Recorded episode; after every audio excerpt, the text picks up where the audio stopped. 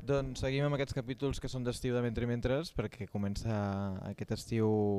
prodigiós que podrien dir-ne i avui tinc en Jordi Reventós. Què tal Jordi, com estàs? Molt bé. Hem pogut venir aquí al pati, al claustre de la Universitat de Barcelona.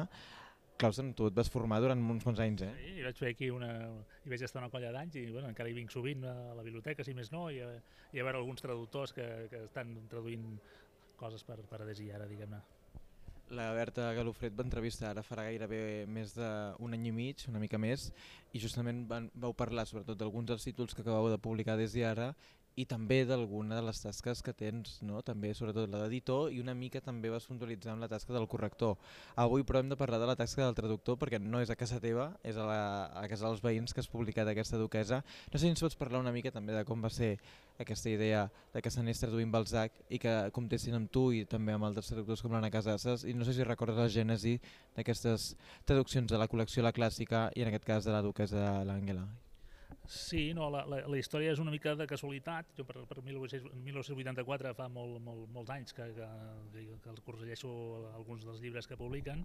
i aleshores un dia parlant amb l'editor, en Josep Cops, eh, que és un, mal, és, és un malalt de Balzac, com, com podeu veure en el, en el seu extens catàleg, hi ha molts títols de Balzac, li vaig dir la, la que em faria il·lusió de, de, de traduir algú en Balzac i aleshores doncs, eh, de seguida em va agafar la, va agafar la paraula no? i, i van començar amb la, la, una novel·leta que és extraordinària, de, també, que es diu la,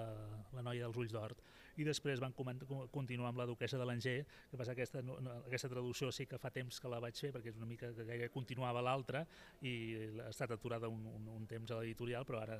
afortunadament, i amb un, aquesta edició tan maca, doncs, eh, l'han pogut publicar. Podem entrar ara després a concretar aspectes d'aquest Balzac eh, feia referència no, a aquesta col·lecció que té aquesta gent, eh, els de 84, en la qual també hi ha l'Anna Casas traduint-ne. Um, has parlat de que és una malaltia, no sé si però eh, com a editor també has pensat mai a traduir Balzac i en aquest cas quin és també el que t'ha portat en tot cas a, al territori Balzac també com a traductor? Bé, sí, sí, he pensat a, a, a publicar com a editor moltes, Balzac i molts altres dels, dels francesos, a més a més tinc, soc una mica francesat per la meva formació diguem, acadèmica, però, però és veritat que si, com vam parlar amb Josep Cons, doncs si, si ells ja tenen una, una llarga rastellera de títols de Balzac, doncs, doncs no, no em sap pas greu, a mi el que m'interessa, com sempre bueno, sempre he dit moltes vegades, eh, que,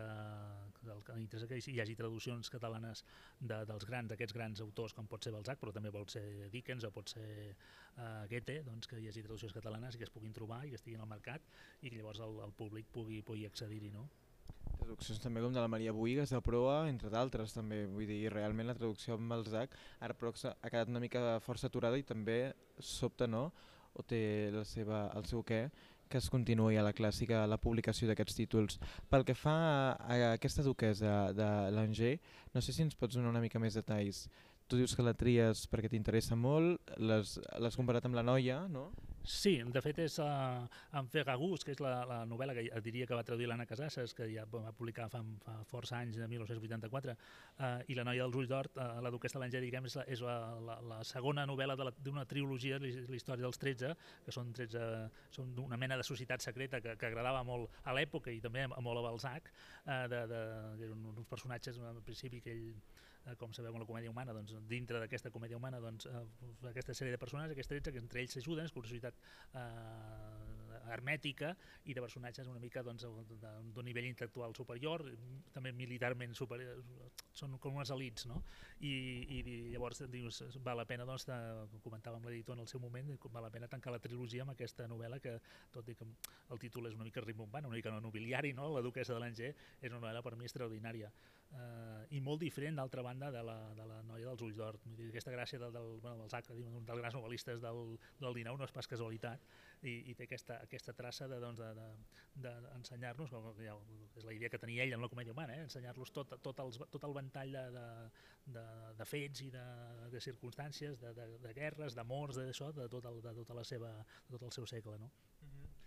Eh, comença amb un primer capítol que no acabem d'entendre, no? un, un desert, aquestes monges descalces, comencem a veure un, un seguit de trets eh, que no sé fins a quin punt serien els més característics de Balzac, sinó que seria molt més eh, el salt de flashback que hi ha en el segon capítol i hi ha un total de quatre capítols, per tant ja només amb l'estructuració no, hi, ha, hi, ha, hi ha algú que potser fa que també diguis que té aquesta idiosincràsia. Sí, de fet és una novel·la en, en aquest sentit, com com bé dius, és una mica peculiar, no? perquè al començament sembla que no sigui pas de Balzac, no? sigui una mica aquella, aquella, aquella segurament que, que, que també parteix d'aquella tradició de la novel·la oriental, no? de, de, tan, tan estimada pels francesos en el seu moment i sobretot al començament del, del 19, eh, i és, efectivament et situa, a més a més, que fa molta gràcia perquè és una, és una illa eh, diguem, anònima, sense nom, o, o no, si més no, no el diu, de, de, la, de, de la costa espanyola, que pot ser Menorca, pot ser... Però, jo vaig, a l'hora de traduir vaig pensar que era més avall, eh? però no sé, no sé, no sé pas dir-te quina... Tot, clar, tot això és... Eh, tot això és imaginació de Balzac també pot ser. I aleshores sí que ens situen és una cosa molt, molt peculiar és un convent de carmelites descalces que allà tot el, el silenci i això llavors la cosa es va, es va animant diguem amb, amb, arriben a l'exèrcit francès i un, un, el general de la, que comanda la, les tropes doncs eh, sent cantar el cor i sent i sent una veu que li és coneguda, no? i a partir d'aquí, doncs, que és la, la, la veu coneguda, evidentment, com us podeu imaginar, és la duquessa de l'Anger, que va deixar el, el, el gran món, que era la reina del gran món parisenc, doncs, justament per a mort, i, i, i està en un convent de carmelites ben lluny de, de, del, París, del seu París. No? No obstant, no és, una, no és un relat que ens eh, posi en el centre no? una idea d'amor, en tot cas és el contrari, és a dir, es va com construint, però, però des de, sobretot d'una dialèctica en tot moment, però gairebé des d'un de, rancor o des d'una des, desestructuració del desig, es podria arribar a dir. Sí, efectivament, ella, eh, esclar, eh, el, justament el, el, eh, el, el, el, el, el protagonista doncs és, és un general i a més a més esclar, el presenten tots els trets a, a un heroi gairebé com un heroi de guerra que ha estat a l'Àfrica i gairebé a,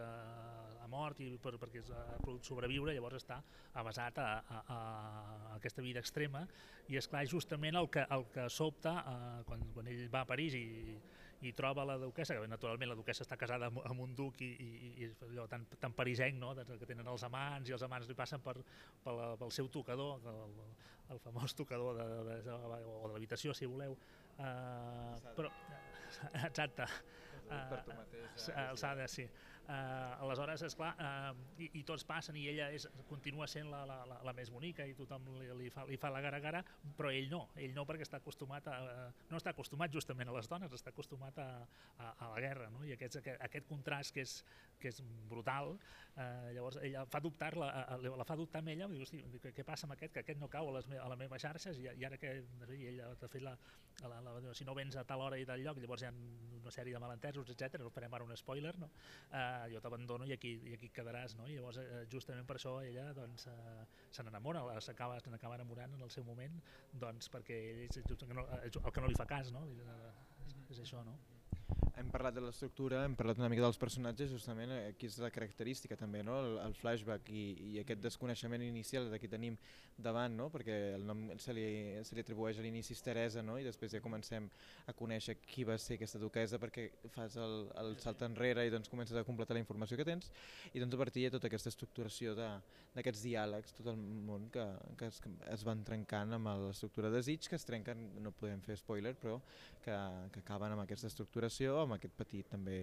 últim, últim capítol. No sé si també, eh, abans que ho lligaves amb, amb aquesta altra que vas traduir o amb aquestes de l'Anna Casasses, no sé fins a quin punt també aquesta comèdia humana també permet, no?, en la traducció al català, resseguir el que passa que encara ens quedarien uns quants balzacs per començar a acabar i això els castellans, pel que veig, ara ho estan fent alguns d'ells Sí, queda, ah, queda mo, molta cosa per fer. Eh, sí que és veritat que s'han traduït els, si més no, els que tenen més nom, els més coneguts pel, pel gran públic. Eh, una altra cosa és que després es trobin les traduccions, perquè és un dels, dels problemes que passen al món editorial de casa nostra. I llavors, un cop les traduccions comencen a tenir un, un decenni o, o una mica, llavors de vegades no, no, no es troben a les llibreries i és un, i això també és un, un, un problema o una, una llàstima. No? Eh, però falta molt, falta molt per, per fer el, uh, tot el Balzac, però de tota manera bueno, aquesta, a, a, això d'anar fent no? de, de mica a mica doncs anirem omplint la, la, la sèrie, no? llavors doncs, eh, sí que en castellà ho estan fent i de fet és que Balzac s'hauria de traduir tot com, com per Missolà o com d'aquests tan grans dels francesos i evidentment d'altres llengües. No? Això m'entronca molt amb la tasca que feu a Des ara. He citat aquest Sade, que, que hi tens traduït, però d'alguna manera entronca amb aquesta tradició, amb aquesta idea de que algú es faci càrrec també d'alguns autors que estan desperdigats i que bé, alguna gestina ha sortit a proa, alguna edició puntual de Sade hi havia al mercat. No sé també com han decideixes tu traduir també Sade i incorporar-ho a, a Des i de fet, el, el, el Sade nostre... Eh, eh, és molt antic, és, em sembla que és el número 5 de la col·lecció eh, i el decideixo traduir perquè és un sade, diguem-ne és el sade oficial Uh, són els, el títol és els, els crims de l'amor, que és una sèrie de, de, de contes, uh, sí que és molt sàdia. El sàdia oficial vull dir que és el que ell va reconèixer, que com, com es va reconèixer com a autor d'allò, no com la Justin, per exemple, que ell, tothom sabia que ho havia fet ell, però ell no ho va reconèixer mai, per, per, evident per qüestions òbvies, perquè si no se n'anava a la Garjola, com va anar, eh, com va anar a la Garjola, uh, i aquests, però sí que té, té la gràcia perquè literàriament són, uh, per mi, extraordinaris i, i certament té la que, que, que, que es veu que és sade, però no és el sade tan, tan radical, tan, diguem, fins i tot pornogràfic o eh, escatològic, no? I, i, aquest, i, i aquest, aquest punt de, de, de romanticisme, si vols, eh? però, però que dius que és, és, és, són, molt, són deliciosos, no? és una cosa que, que feia temps que, he fet molt abans de començar l'editorial, que tenia la, la idea de fer aquest, aquest, aquest llibret. Sí, ja comences no, amb, aquesta, amb aquesta capficació sí. d'aquests títols. No sé si també aquí vam tenir el plaer de poder parlar no? també d'aquesta traducció que vau publicar d'aquest Stendhal. Per tant, seguiu també amb aquesta tradició i aneu intentant ocupar aquests buits. No? Suposo que aquí tindrem algunes novetats també. Sí, bueno, de fet aquesta és la idea. La, la Mans de Stendhal, que per cert és un llibre que ha anat molt bé, la traducció és extraordinària de la Lídia Noy, que va ser professora meva en aquesta santa casa i l'Armas no? Hi havia traducció catalana, tot i que ja mm,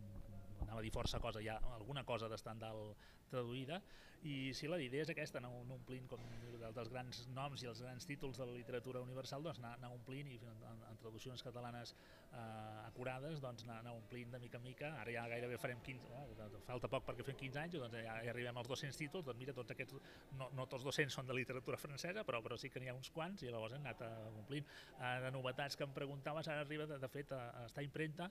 i espero que aquest juliol arribi a llibreries una, la, bueno, el que és considerada la millor novel·la suïssa, que és de l'Enric Claver, de, de Wilfried Keller, que no s'havia traduït evidentment en català, bàsicament perquè em sembla no s'havia traduït mai perquè fa el llibre fa 888 pàgines. Vull dir, serà un llibre eh, considerable, però de fet és una de les grans novel·les en, en llengua alemana, consideren els experts, i és el, un dels grans Bildungsromans que diuen els alemanys, és la novel·la de formació, juntament amb el, amb el Wilhelm Meister de, de Goethe, són les dues grans novel·les alemanyes, i realment és molt bonica la traducció del Ramon Montón, que sí, anava a dir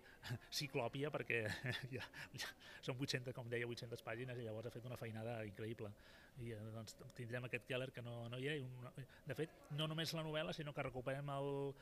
eh, aquest gran nom també de les lletres alemanyes des de fa gairebé un segle, perquè la, si no, si no m'erro, l'única traducció que hi ha, que és una novel·leta molt més breu, que es diu La gent de Selvila, que va traduir Carla Riba, vull dir que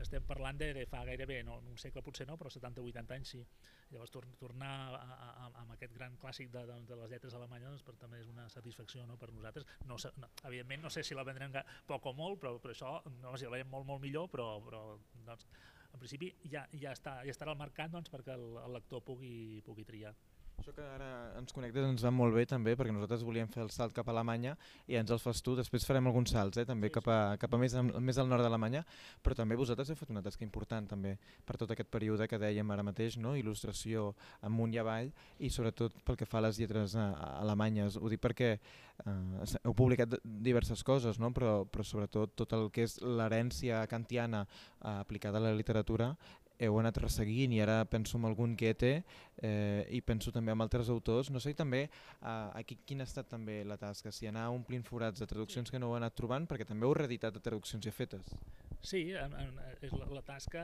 és uh, reedit, uh, sí, reeditades però revisades, eh? vull dir, sempre hi ha un procés de revisió del, del mateix traductor primer i després per part de l'editorial. Uh, suposo que refereixen en aquest cas als teixidors de Hauman, que és una de les, bueno, diuen que és una de les grans novel·les, perdona, una de les grans obres de teatre de, de, del teatre alemany de, de, de tota la història, realment és, una traducció estel·lar de Felip Formosa, però també vam recuperar, mm, fa una mica més temps, la, recuperar no, vam publicar la primera novel·la que es feia en català de Hauman, cosa que jo no sabia quan la vaig encarregar, que és l'Heretge de Soana, eh, amb traducció del Ramon Ferrés, eh, i, i Hauman és un nom que aquí el, el, el fa 100 anys els modernistes havien traduït tot el teatre, la, la, les novel·les no, però sí que tot el teatre, perquè a mi Ibsen era un dels grans, dels grans noms de l'escena internacional. No? I és, això passa amb aquests autors, o com, com, com hem parlat abans de Stendhal, passa amb, amb el Balzac, ara feia molt de temps que no sortia res, són aquests autors que de vegades, però són grans clàssics, però per circumstàncies X doncs no, hi ha una sèrie d'anys que no, no surt res amb, amb, amb una llengua, pot, pot passar en català, però pot passar també en, en italià o en, o en francès, suposo, o en, en francès, evidentment si la traducció francesa no, però eh, en fi, eh, hem fet, a Goethe també vam publicar el, el divan oriental occidental eh, que no s'havia fet mai en català. La, la idea és anar omplint, anar omplint aquests, aquests buits, alguna cosa de ril que vull dir, és que diverses, és anar omplint buits la idea de, no, no només fer una, un, un període concret sinó anar omplint aquests buits de diversos períodes que vull dir que totes les d'aquests grans clàssics de les lletres no, internacionals no?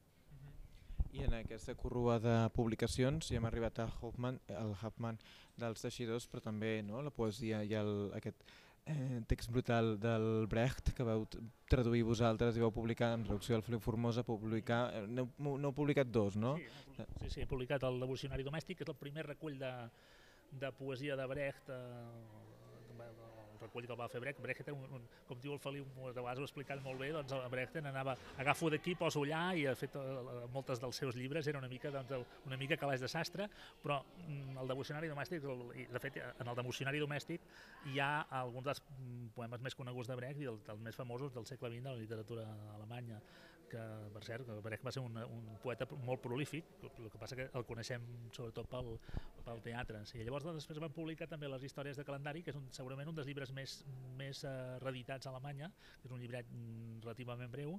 però és, la, és, és Brecht en estat pur, a mi m'entusiasma aquest llibre, són, són contes eh, amb alguna poesia intercalada, però és Brecht en estat pur, i llegint allò ja veus que és, el, és un geni, com, com, com després el, el, sí que és més conegut al teatre, veus, veus les obres de Brecht i aquest senyor és un geni. I doncs en aquell llibret doncs, eh, va fer, a mi fa, que és un llibre que les històries de calendari m'entusiasma molt per, justament per això, no? perquè es veu eh, el Brecht en estat pur. No? Vam parlar amb el Jaume Joan fa no res per, per aquesta traducció que va fer magnífica d'una traducció que, com vas explicar molt bé, no teníem en català per la censura, però aquestes dades que també pel que fa a clàssics grecs i llatins, en la qual eh, i conviviu molt bé amb altres editorials com la Bernat Metge, M'agradaria també saber, ara que hem, hem tocat una mica, després parlarem una mica de sobrepassar les fronteres França i Alemanya, però en aquest cas també com, com han de venir també els propers mesos i també la tasca de l'editorial pel que fa aquí. Sí, en aquest tema sempre el, acostumem a treure de la col·lecció Aetas, que és la de Aetas, o la Humanitatis, que és un, ja la del Marcial per, per, per qüestions de format, és un llibre de, de més, com saps, de més de, més de 1.136 eh, pàgines, si no m'erro, i aleshores doncs, és sempre 3-4 títols d'aquesta col·lecció, eh, amb l'afegit que eh, el Marcial és el primer, és el primer premi eh, Vila de Martorell eh, Memorial Montserrat Ros de traducció de clàssics grecollatins, que és un, iniciativa que fa des ara amb l'Ajuntament de Martorell doncs, per afavorir la traducció d'aquests grans noms, d'aquests grans clàssics. I aleshores doncs, sí, en vindran més. Vull dir, ara enguany si tot va bé sortirà un edit rei en traducció del, de Jaume Mirall una traducció in, impressionant perquè ja, ja l'he pogut veure i, i anirem publicant més coses d'aquest tipus. L'any que, que ve justament el Jaume Mirall és el guanyador de la segona edició del, del, del Memorial i amb una, la primera novel·la, considerada la primera novel·la de, de la història, la primera novel·la, si més no, de literatura grega, que és el, el Calir Roy de Critó d'Afrodícies, que sortirà a la tardor de l'any de l'any vinent. Però sí, anem, sempre anem, anem, anem publicant aquests, aquests clàssics, de fet una de les meves dèries, com saps, i aleshores doncs, també sortirà molt aviat el, vam publicar, si no sé si recordes, el llibre que vam titular L'Eros Gay, que és el llibre dotzè de l'antologia palatina, l'antologia palatina que és una tira de volums, llavors cada volum són, està dedicat a un tema, eh, i enguany sortirà l'Eros, eh, que no serà el, el no gay, no? diguem que és el llibre cinquè, doncs aquest també sortirà si tot va bé aquesta tardor. Mm -hmm i torno enrere per tirar endavant aquestes fronteres que dèiem marcades per Alemanya i per França ja heu començat a trencar-les amb traduccions de la Carolina Moreno pel que fa al suec sí. o d'altres um, pel que sabem això de continuar ja ho ha començat a anunciar no? que us aneu a territoris també cap al, cap al nord no sé fins a quin punt també quina és la vocació dir, perquè heu traduït també autors del segle XX, però m'imagino també que la cosa se'n va una mica més enrere. Sí, no? El, el, el, el manifest fundacional que pots trobar al, al web és, és la, els, grans, els grans obres de la literatura universal i per tant mm, pot ser un, per mi els clàssics també pot ser un clàssic del segle XX, han sortit alguns el Hauman, és, el Keller no és del segle XX però és del XIX i per tant és, és, un, és un altre dels grans clàssics. Però també és un clàssic el, el que acaba de sortir, el, el poema de Gilgamesh que estem, estem molt contents i a més a més el, el primer, el primer, la, la, la, el primer ressò que ha tingut en Charles em sembla que és, és molt positiu eh, suposo que anirà, pel que veig, eh, pot anar molt bé, amb una traducció directament, com sempre fem, ja saps que fem sempre les traduccions directes de la llengua original, i per tant la traducció de l'Acadi, segurament de, de, la, de les dues persones, o no sé si hi ha alguna altra que sàpiga llengua Acadi en aquest país, que són els professors eh, Lluís Feliu i Adelina Millet, també d'aquesta casa, de la Universitat de Barcelona, són professors aquí, i, i també però ens anem també, com dius, eh, no tot és França, Itàlia, Alemanya o, o Anglaterra o Estats Units, en, eh, sí que puc, ja puc dir que a principi de, de l'any vinent, si tot va bé, tenim la primera saga islandesa traduïda directament de, l'islandès medieval al català, que és la saga de Cormac, que amb una traducció de l'Inés García, que és especialista també en el, en el tema de la saga, sinó el tema de l'islandesa medieval. Falta, de vegades falta, hi ha moltes coses que voldríem bé, falta trobar el traductor adequat, no? però, però de mica en mica i deixant treballar els traductors doncs, aconseguim aquestes coses. No? Sí, sí. Hi haurà, a la, si tot va bé, la, aquesta saga de Cormac, ja dic, la primera traducció islandesa de l'islandès en català, eh, feta directament de la llengua original, i després també hi haurà el, el cant dels Nivelungs, de, que, que jo sàpiga també serà la primera traducció catalana d'aquesta obra també fonamental de la literatura germànica. Doncs Jordi Reventós, moltíssimes gràcies per donar-nos quatre pistes, com sempre fas quan parlem amb tu. Nosaltres seguim bastant la tasca que feu a Des i ara i anem parlant amb molts dels traductors, perquè molts són o han estat professors nostres o pel que sigui,